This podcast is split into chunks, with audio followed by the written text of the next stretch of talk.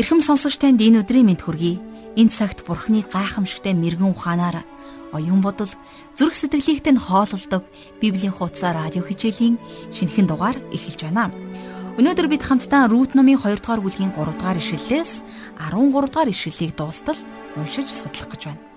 Шинэ хичээлээ эхлүүлэхээс өмнө өмнөх дугаараас ойлгож суралцсан зүйлээ товчхон хуваалцъя. Рут химээх моб бүсгүй игзэгтэй үед бурхны төлөө гаргаж байсан олон талд шийдвэр шинэ үеийнхэн бидэнд ч гэсэн маш чухал хичээл сургамж болсон тухай бид өнгөрсөн хичээлээр ярилцсан. Тэгээд ярилцаа зогсохгүй Рут химээх тэр харь үндэстэн эмэгтэйн итгэл бурхны өмнө гаргасан шийдвэр үнэхээр гайхамшигтай итгэмжит байсан. Өнгөрсөн дугаарын хичээлээс би танаас асууж байсан да. Томоохон шийдвэр гаргахаас өмнө та зүрхээ сонсдгоо? Эсвэл тархиараа шийддгүү гэсэн асуултыг танд тавьж байсан. Рутийн хувьд түүний гимшил үнэхээр утга учиртай байсан нь Бурхны зүрх сэтгэлийн утсыг хөндөж хөдлөгсөн болов. Энэ бол миний бодол. Магадгүй танд ч гэсэн адилхан бодол төсөөлөл төрсөн байж болох юм. Тэгэхээр гоо үзэсгэлэнгээр төгс эмхтэй хүнд бардам, ихэмсэг зан, өөрийгөө өндөр тавьсан хинч хуршгүй мэт санагдах байр суурь гэж байдаг. Тэгвэл Рут бидний бодож байгаа шиг тийм эмэгтэй байгаагүй гэдгийг сонсогч танд жаргал агш маань өмнөх бүлгээр нэлээд сайн танилцуулсан. Үнэн дээр үзэсгэлэнтэй залуухан бүсгүй эрүүл биш хүнтэй гэрлэж улмаар бэлэвсрэн үлдэнэ гэдэг хиндэж харамсмаар санагдана. Тэгвэл амлагдсан нутагдах талах ба Магдалины гэрээс нүүж ирээд удаагүй байсан тэнмэл гэр бүлийн өвчтэй хүүтэй гэрлэж түүний ихнэр босно нь бодож байгаагаас минь илүү гүн гүнзгий утга учиртай шийдвэр байсан гэдгийг ойлгож мэдсэндээ би бурханд үнэхээр их талархаж түүний төлөвлөгөөнүүд ямар агуу юм бэ гэж бурханы өмнө магтаал өргөж байлаа. Түүнчлэн өнгөрсөн хичээлээр бид ядуус санаа тавьсан бурхны гайхамшигтай хангалтын талаар үзсэн. Ургац сураагчид талбай дээр тарианыхаа 30 хүртэлх хувийг үлдээснээрээ ядуусан түүгээр хоололдог байсан. Тэд талбайгаас тариагаа нэг хураасан л бол дахиж хураадгүй байсан энэ зарчмын хэрэгцээ өнөөдөр ч гэсэн бидэнд үнэхээр шаардлагатай хэрэгтэй байгаа. За ингээд өнөөдрийн хичээл маань дахин хэлэхэд Рут номын 2 дугаар бүлгийн 3 дугаар ишлэлээс 13 дугаар ишлэлийг дуустал уншиж судалж жаргалагшийн тайлбар хүрэх болно. Харин одоо хичээлдээ орхоос өмнө энэ цагийг бурхан даатгаж хамтдаа залбирцгаая. Хүний амьдралын хором мөч бүрийг гайхамшигтайгаар төлөвлөдөг бурхан аав минь бид таньдаа талархаж байна. Эзэн та биднийг буруу замаар явж буруу сонголтын үр дагавар болохоос үргэлж хамгаалж байдагт их эзэн минь таньдаа талархаж байна. Та энэ цагийг таны эсрэг байгаа хүмүүс сонсгож тэдний бурууг уучлж зөв тус байдлаас нь цэвэрлэж та ангижруулаач Эзэн минь хүн бүрт та үнэт сургамж болох тэр үгээ дамжуулан өгч та ариун сүнсээрээ тэдэнтэй яриарай. Их эзэн минь таны сануулгыг цаг тухайд нь сонсож рүүт бүсгүйн адил таны үгэнд дуулууртай байж мэрэгэн ухаан шийдвэр гаргадаг байхад минь та туслаарай. Бид хичээлийн энэ цагийг танд өргөж Есүс Христ хааны нэрээр залбирanгуйлаа. Амен.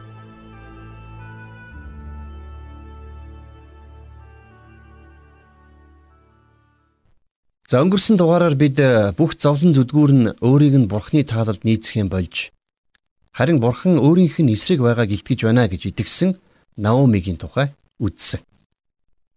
Тэгэхээр эндээс бид нар юу ойлгож мэдэх хэрэгтэй вэ гэхээр бүх зовлон зүдгүүр хүн хэцүү байдлыг бурхны үйл ажиллагаа а эсвэл бид нар тэрэнд таалагдаагүй гэж хэлж болохгүй юм. Учир нь яагаад үг гэхээр сатан эгэл жирийн хүмүүсийн амьдралд зовлон бэрхшээл хүнд хэцүү байдлуудыг авчирч байдаг. Тэгэхээр Наоми эзэн бурханд итгэх итгэлээ үлгэр жишээ үг сургаалаар дамжуулан Рүүтэд өвлүүлсэн гэдэг нь өнгөрсөн хичээлээр тодорхой харагдсан. За нэг ёсондоо бурханд итгэх Рүүтийн итгэл Наомиг итгэмжтэйгээр хайрласаар байхад хүргэсэн гэж хэлж болох юм. За харин өнөөдрийн хичээлээр бид нэр Боаз гэгч нэгэн хүний тухай за түүний тарийн талбайд болж байгаа үйл явдлуудыг харах болно. За ингээд хамтдаа 2 дугаар бүлгийн 3 дугаар ишлэлийг гаргаад уншицгаая. Тинхүү тэр явж тариа хадагчдын ардаас тариан талбайд хаягдсан төрөг төв. Тэрээр санаандгүй Илимелекийн ургийн Боазын тариан талбайн хэсэг дээр ирчихсэн ажээ. Хэрвээ та тэр өдөр Рутиг Битлехемээс гараад явж байгаадаа таарлцсан болвол яг аль талбай руу очих ёстойгоо мэдэхгүй яваа нэгэн охиныг харах байсан. Мэдээж тэрний Боазын талбай руу явах замаа олох гэж бодлон яваа нь анхаарал татахгүйц байсан байж болох юм. Учир нь Рут Боазын талбайд очих нь та бидний хувьд үнэхээр чухал. Таны бодож төсөөлж байгаагаас ч хэд дахин илүү чухал гэж мэд. Хэрвээ тэр Боазын талбайд очиагүй байсан бол мэрэгэн хүмүүс Битлехэм рүү Есүсийг харахаар ирэхгүй байх байсан. За тэгээд Есүс Битлехэм төрөхгүй байх байсан. За тийм учраас Рут зөвхөн тэр талбай руу явах нь чухал байгаа юм.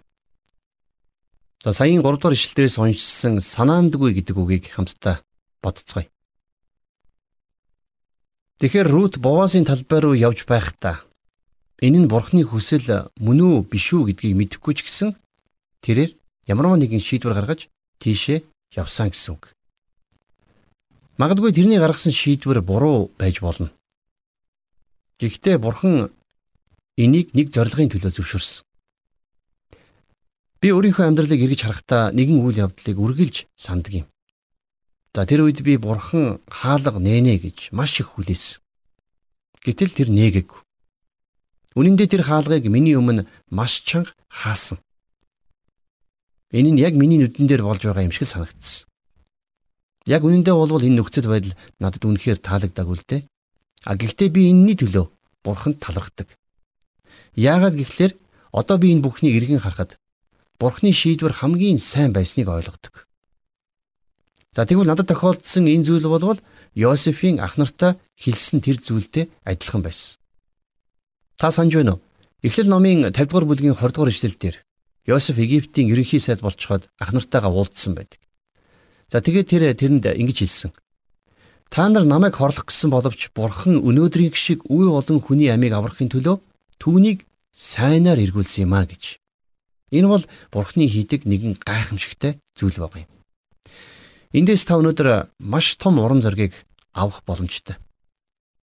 Магадгүй та яг одоо яагаад тодорхой өдөрдмжийг Бурхан надад өгөхгүй байна гэж гайхаж болно. Христэд итгэдэг хүмүүс Бурхантай шууд л харилцдаг аядтай үйлддгийг та мэдэх бах. За үннийг хэлэхэд бид нар бүгдээрээ Бурхантай харилцах боломжтой байгаа нь хамгийн гайхамшигтай зүйл. А гэхдээ тэр бидний хэлсэн болгонд шууд хариу өгдөг нэгэн гэдэгт би итгэлтэй биш байдаг. Тиймээс бид нар маш болгоомжтой байх нь зүйтэй. Тийм ээ. Та энэ бол бурхны хүсэл гэж хэлэхдээ болгоомжтой байх хэрэгтэй гэсэн үг. А гэхдээ бид нар өөрсдийн замыг бурханд зориулах бүрэн боломжтой. Амьдралдаа гимшээгүй гим үлдээхгүй байж, ариун сүнсийг гомдоохгүй байж бид нар чадна. Аль сайн мэдэж байгаагаараа эзний хүслийн төвдөнж байж чадна. Тэгэхээр би таныг надтай санал нэгднэ гэдэгт итгэлтэй байна. Яагаад гэвэл та бурханд гайхалтай арга замаар өөрийгөө зориулах боломжтой. Хэрвээ та Йосеф шиг Йов шиг нөхцөл байдалд орлоо ч гэсэн тэр намайг алхач гисэн би түүнд найдах болно. Ямар ч байсан би түүний өмнө өөрийнхөө замуудыг хамгаалах болно гэж Йов шиг хэлж чадна гэсэн үг. Амьдралд баяр хөөр хүлээлтийг авчирдаг тэр агуу үнэн бол энэ юм.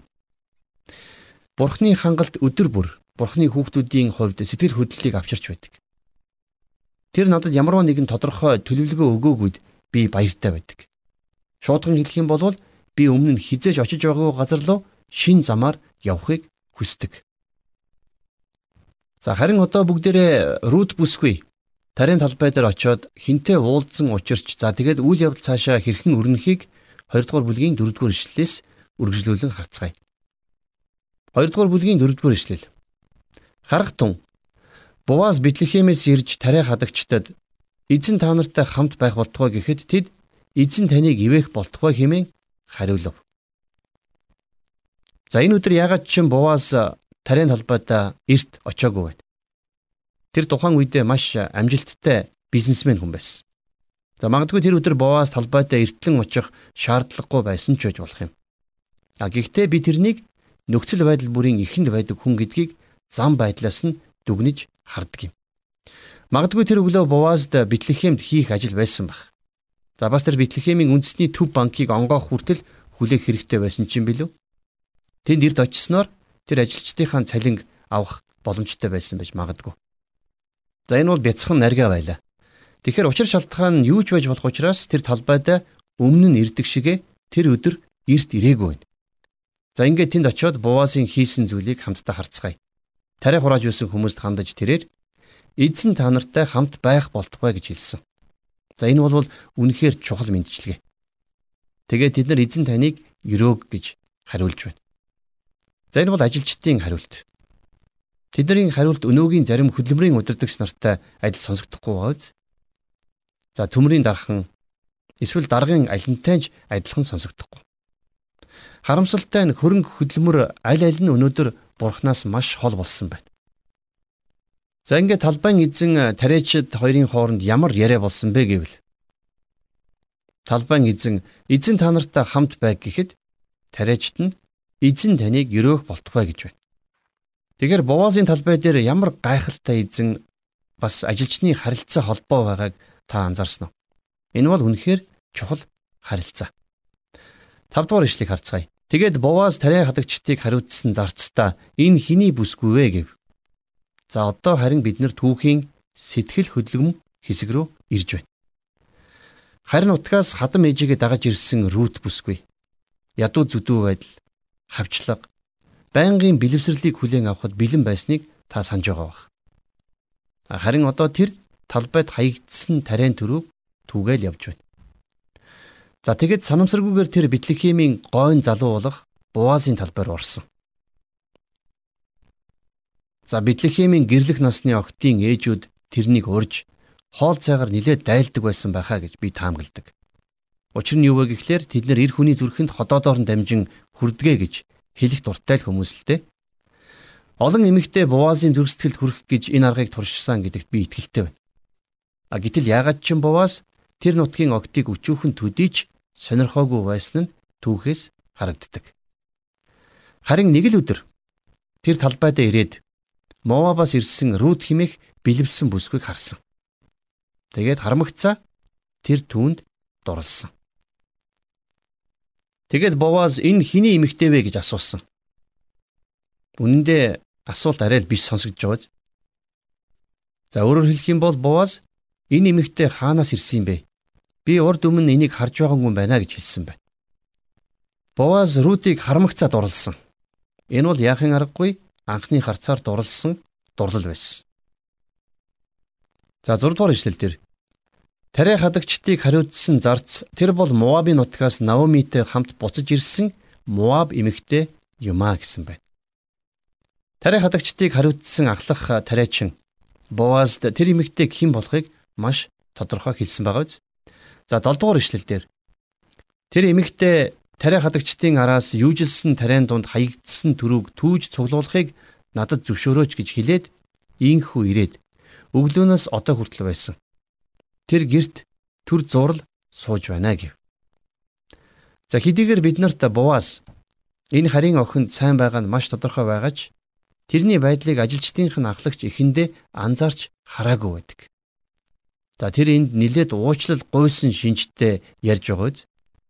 Энэ Моаб эмэгтэй энд ирээд хаягдмал тариаг түүх зөвшөөрлийг надаас хүссэн. Би түүнийг буцааж чадаагүй гэж Боазд тайлбарлан хэлж байна. За тэгэхээр эцсийн эцэст Мосегийн хуулийн тогтолцоо тэрнийг энд ирэхийг нь зөвшөөрсөн. Тэр ядуу харь хүн болохоор энэ талбай дээр ирсэн. А гэхдээ тэр уучлал гоох шаардлагагүй. Яагаад үг гэхээр Боаз тэр охин үнэхээр таалагдсан. Бэтлехемийн бусад сайхан охидын хийж чадаагүй зүйлийг Рүд хийж чадсан. А гэхдээ энийг хийхийн тулд тэр огтхон ч хичээгээгүй. Юу гэвэл Рут өөрийнхөө гадуурхагдсан байр суурийг аль хэдийнэ хүлээн зөвшөөрсөн байсан. Тэр ямарваа нэгэн анхаарал халамжийг хинээс ч хүлээгээгүй. За тийм учраас энэ нэмэгтээ Буазын анхаарлыг татсан нь үнэхээр бидний гайхшрлыг төрүүлж байгаа юм. За одоо хамтдаа 8 дугаар ишлэлийг үргэлжлүүлэн харцгаая. Тэгээд Буаз Рутэд Охин минь анхааралтай сонс. Төрөг түүх гэж өөр тарийн талбай руу битгий яв. Эндээс битгий яв. Харин эндээ миний шивгчдтэй үлд. За энд ямар хачирхалтай яриа болоод өнгөрчихвөө. Боваас бол үнэндээ талбайдаа ядуу хүн байлгаад байхыг төдийлөн хүсээд байдаг хүн биш. Уул нь бол Мосегийн хуулийн дагуу энийг түүнд зөвшөөрөх ёстой гэсэн байсан. А гэхдээ миний хувьд Боваас тун өгөөмөр хүн шиг санагддаг. Тэр ядуу хүмүүст ирээд хаягдл тариаг түгээрэй гэж хэлээг. Бас тийм тэмдэгч тавиагүй. Тэр тэд нарыг өөрийн талбайд ураагүй. Харин тэр энэ бүхнээсээ татгалзаж рүүд дээр очиод тэрнийг өөр талбай руу битгий яваарай гэж ятгах байна. За 9 дугаар ишлэлдэр чи тэдний хадах талбайг харж араас нь яв. Би зарц нартаа чамд хүрч болохгүй гэж тушаасан. Чи ундаас хараа усны сав руу очиж зарц нарын утгасан уснаас уу гэв.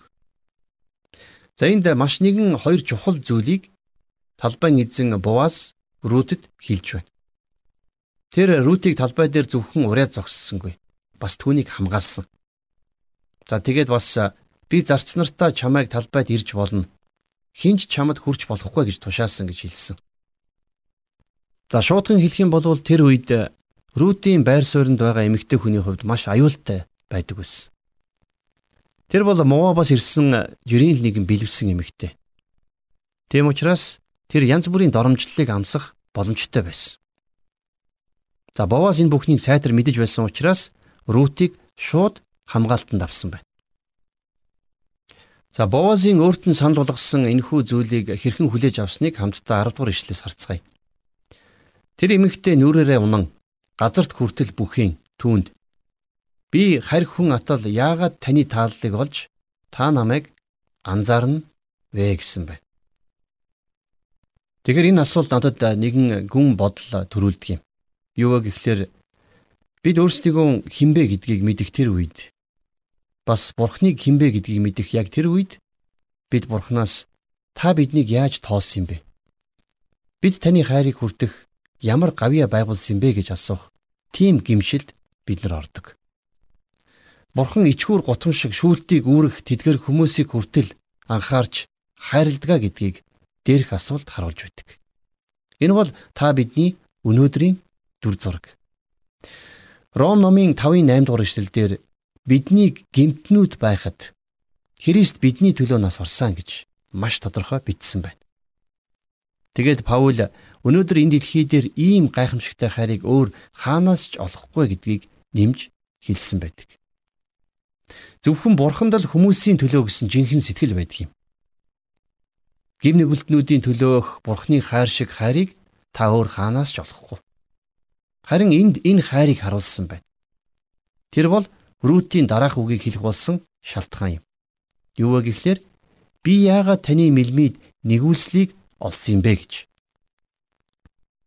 Рут үнэндээ маш их гайхсан байна. Яагаад үг гэвэл Рут харь хүн бас гадуурхагдсан хүн байсан. Тиймээс түүний асуусан асуулт нь бол чин сэтгэлийнх байсан. Тэр ялгарлан гадуурхах үзлийг давссан энэ зүйлийг зүгээр л ойлгож чадаагүй. Энэ нь Рутийн төсөөлөөгүй бас нэгэн сонирхолтой зүйл байсан юм. За яг одоо бол би Рутийн асуултанд маш амархан хариулж чадхаар байна. Хэрвээ тэр эмэгтэй зүгээр гэртээ хараад толинд харсан бол жинхэнэ учир шалтгааныг харах юм. Тэр үнэхээр үзэгсэлэнтэй бас хөөрхөн сэтгэл татан байсан. Тэрэнд эмэгтэй хүн ихнэр хүнд хүсвэштэй бүх зүйл байсан байна. За тэр л шалтгаанаар Боаз Рүтэд дурлсан хэрэг. А гэхдээ миний хариулж чадахгүй байгаа бас нэг асуулт байгаа. Энэ бол Рүтийн асуусан би яагаад бурхны мэлмид нэгүслийг олсон юм бэ? Одоо надад гэртээ хараад толинд хар гэж битгий хэлээрэ. Яагаад гэвэл би аль хэдийнэ энийг хийсэн. Харин ямар учраас Бурхны мэлмид нэгүслийг олвоо гэсэн асуулт. За шуудхан хэлэх юм бол бидний дүр төрх тэмч сэтгэл татам зүйл биш. Би толиноос үнэндээ ямар ч хариултыг хардаггүй. Харин Бурханд бидний гих нэгүүлсэл байдаг. Тэгэхээр Бурхны нэгүүлсэл рүүд рүү хандсан тэрхүү хандлагаар илэрсэн байна. Энэ нь мэдээж нэгүүлслийн нэг гайхалтай үлгэр жишээ гэдэгтээ бид санал нийлэх ёстой. Та бидний аль аль нь рутийн асуултыг тавьж чадна. Би яагаад таны мэлмид нэгүүлслийг олвоо? Тэгэхээр бид нар энэ хариултыг өөрсдөөсөө бол олж чадахгүй. Учир нь бид нар рут шиг хөөрхөн биш. Бас бурханд үзэгсэлэнтэй биш. Тийм ч сэтгэл татсан биш. Зүгээр л бидэнд бурхны биширдэг, шагнадаг, хүндэлдэг тэдгэр шинжүүд байхгүй. Одоо яг нэг нөгөө хэлэх юм бол та бид нар бүгдээрээ гим нүгэлтнүүд гим нүгэлтнүүд учраас бурхны эсрэг бурхантай тэмцэлддэг. А гэхдээ ийм нөхцөл байдлын дунд ч гэсэн бурхан та биднийг хайрласаар байдаг юм. Тэр бидэнд маш их хайртай. Энэ бол бурхны үгийн агуу үннүүдийн нэг байгаа юм. Тэр өөрийнхөө хайрыг илчлэн харуулсан. Учир нь дээр хэлснээр биднийг нүгэлтнүүд байхад Христ бидний төлөө нас барсан. Тэгээ тэр бидэнд өөрийн нэгүслийг өгсөн. Бурхан бол өнөөдөр та биднийг авардаг цорын ганц нэгэн. Бурханд биднийг аврах өөр шалтгаан байгаагүй. За үйл явдлыг 11-р ишлэлээр үргэлжлүүлэн харцгаая. Бовоос хариулж түүнд нөхрийгөө нас барсны дараа чиний хадам ихтэй хийсэн бүгдийг мөн хэрхэн эцэг их хийгээ төрсөн нутгаан орхин урдаас мдээгүй ард түмэн дээр ирсэн тухай чинь надад бүрэн мэдэгдсэн.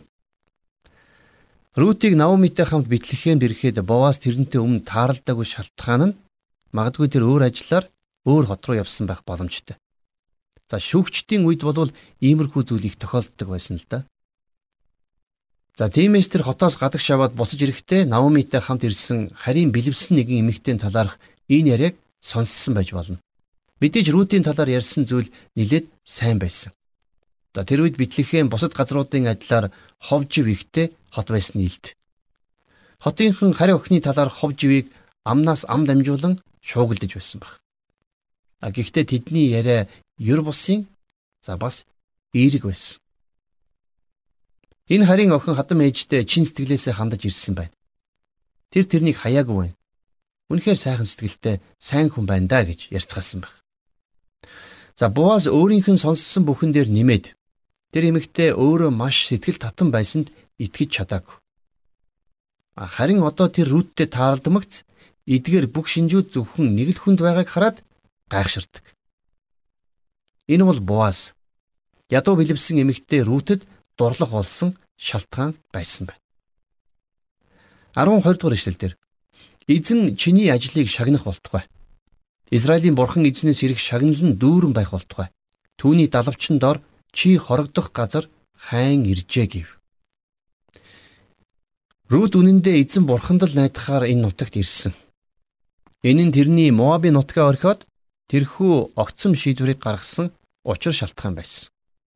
Рут хадам ээжийнхээ бурхныг өөрийн бурхан болгоно гэж хэлсэн. Тэр шүтэн шүтэх байдлаас амьд жинхэнэ бурхан руу эргэж түүнд найдахаар битлэхэмд ирсэн. Тэр бол бурхны хүүхдүүдийн нэг байсан. Тийм болохоор Рутийн амьдрал Израилийн нутагт үнэхээр гайхалтай гэрчлэл болсон юм.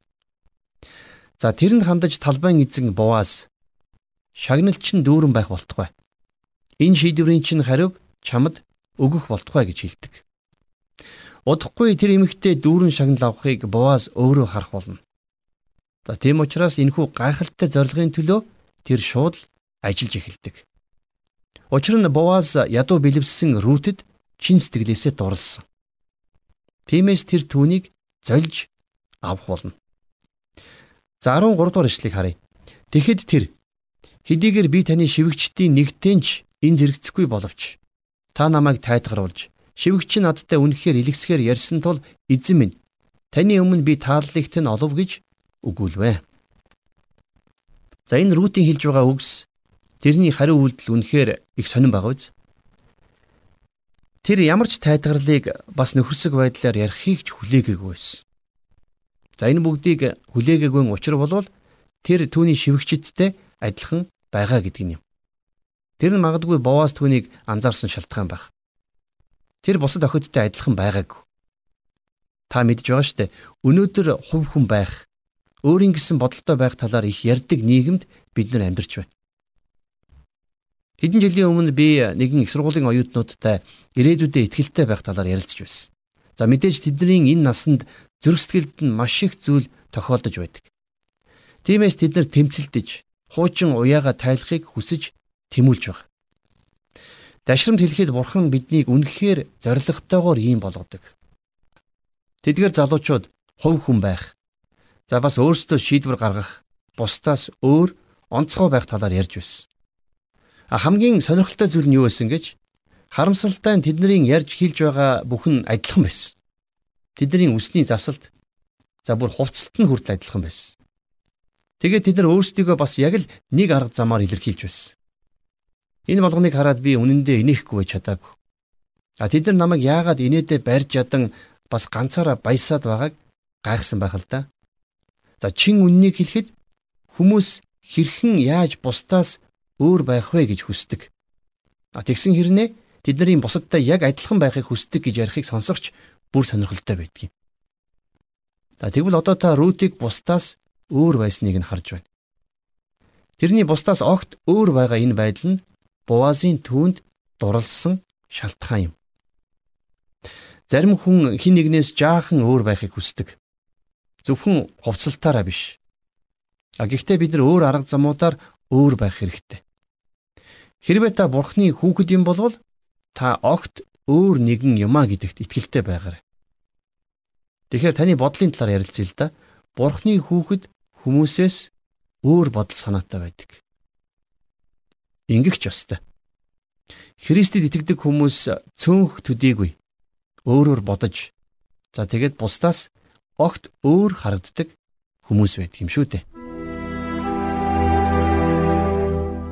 Тэгэхээр санаандгүй тохиолдлоор зөв цагт зөв газартаа явж утсан Рут бүсгийн түүх үнэхээр гайхамшигтай байлаа. Тэр тусмаа өнөөдрийн хичээлийг жаргал агш маань сонсон суралцаж байгаа хүнийг үнэхээр тухайн газар нөхцөл байдалд аваач чадсан гэдэгт итгэлтэй байна. Тод дүрслэл, утга төгөлдөр тайлбар нь миний хувьд маш онцгой байсан гэдгийг хэлэх хэрэгтэй. Үнэн дээр Рут бүсгийн түүхийг судалж эхэлмэгцэл Бурхны агуу хайр ялалтыг байгаа газар бүртээ тунхаглаж хүмүүст түгээж хуваалцахын тэр чухлыг зүрх сэтгэлдээ хүртэл ойлгож мэдрлээ. Энэ хичээлээс олон чухал зүйлийг мэдэж авсны нэг нь энгийн хүний бодлоор бол Рут зөв талбайг олж очих нь санамсаргүй зүйл байж болох ч энэ нь Бурхны хувьд огтөөр зүйл. Бурхан Рут бүсгийг хизээж ийм энгийн хялбар байдлаар удирдгүү гэдгийг сонсоод тэр миний амьдралд ч гэсэн өөрийнхөө удирдамжийг хизээж ил тод байлгадаггүй болохыг мэдэж авсан. Тэгэхээр Бурханы хүслийг мэдэх нь өнөөдөр та бидний ярьдаг шиг амархан хялбар зүйл өрдөөч биш байна. За харин дараагийн суралцаж мэдсэн чухал хичээл бол жаргал агшиг хичээлийн төгсгөлд хэлсэн үг байлаа. Энэ юу вэ гэхээр талбай эзэн боос Рут бүсгийг бусдаас өөр болохыг хараад дурлаж улмаар хамгаалахыг хүссэн. Энэ бол Христ итгэлт бидний хувьд бол маш онцгой, хизээч мартаж орхиж болохгүй нэгэн үнцнийг харуулсан гэж би бодож байна. Тийм ээ, бид Бурханых болохоор бусдаас өөр хүмүүс. Зүрх сэтгэл, оюун бодол, хандлагаараа та хинтээж ямар ч эд баялагтайж зүүрлэхийн аргагүй үн цэнтэй. Ингээд хамтдаа бүгдээрээ цаг үргэлж эрдэн шиг өнгөлж нандинан хайрлаж байдаг бурхан эзэгтэй талархаж өнөөдрийн хичээлээ өндөрлөе. Гайхамшигтай бурхан аав минь би таньда онцгойлон энэ цагийн төлөө талархан залбирч байна. Таны хүсэл бидний амь амьдралд хизээч амар хялбар байдлаар хийгддэггүй гэдгийг өнөөдрийн хичээлээр суралцсандаа бид баяртай байна. Хэрвээ энэ бүхэн амар хялбар байсан бол хүмүүс бид үн цэнгүй болох аюултай байсан. Тиймээс алхам мөрийг мань сургамж, дуршлаг болгож үнэт эрдэн шиг өнгөлж байдаг таньда баярлалаа. Эзэн минь ээ бидэнд амархан биш ч гэсэн та өөрийнхөө хүслийн дагуу удирдах жолоодож өгөөч гэж бид үргэлжлүүлэн гуйж байна. Хайртай аав минь та энэ ертөнцийн үйл явдлуудыг зохицуулж байдаг гэдгийг олон хүнд энэхүү хичээлээр дамжуулан хүргээрэй. Өөрийн гайхамшгийг зовж зүдэрсэн ядуу буурай хүмүүсийн дээрээс бэлхэм дүрнээр асгаач гэж би гуйж байна. Би яг одоо зовж зүдэрч энлэн гашуудаж шаналж байгаа тэдгээр хүмүүст та амар тайвны мутраараа хүрээч гэж Их эзэн Есүс Христ таны нэрээр гуйн залбирлаа. Амен.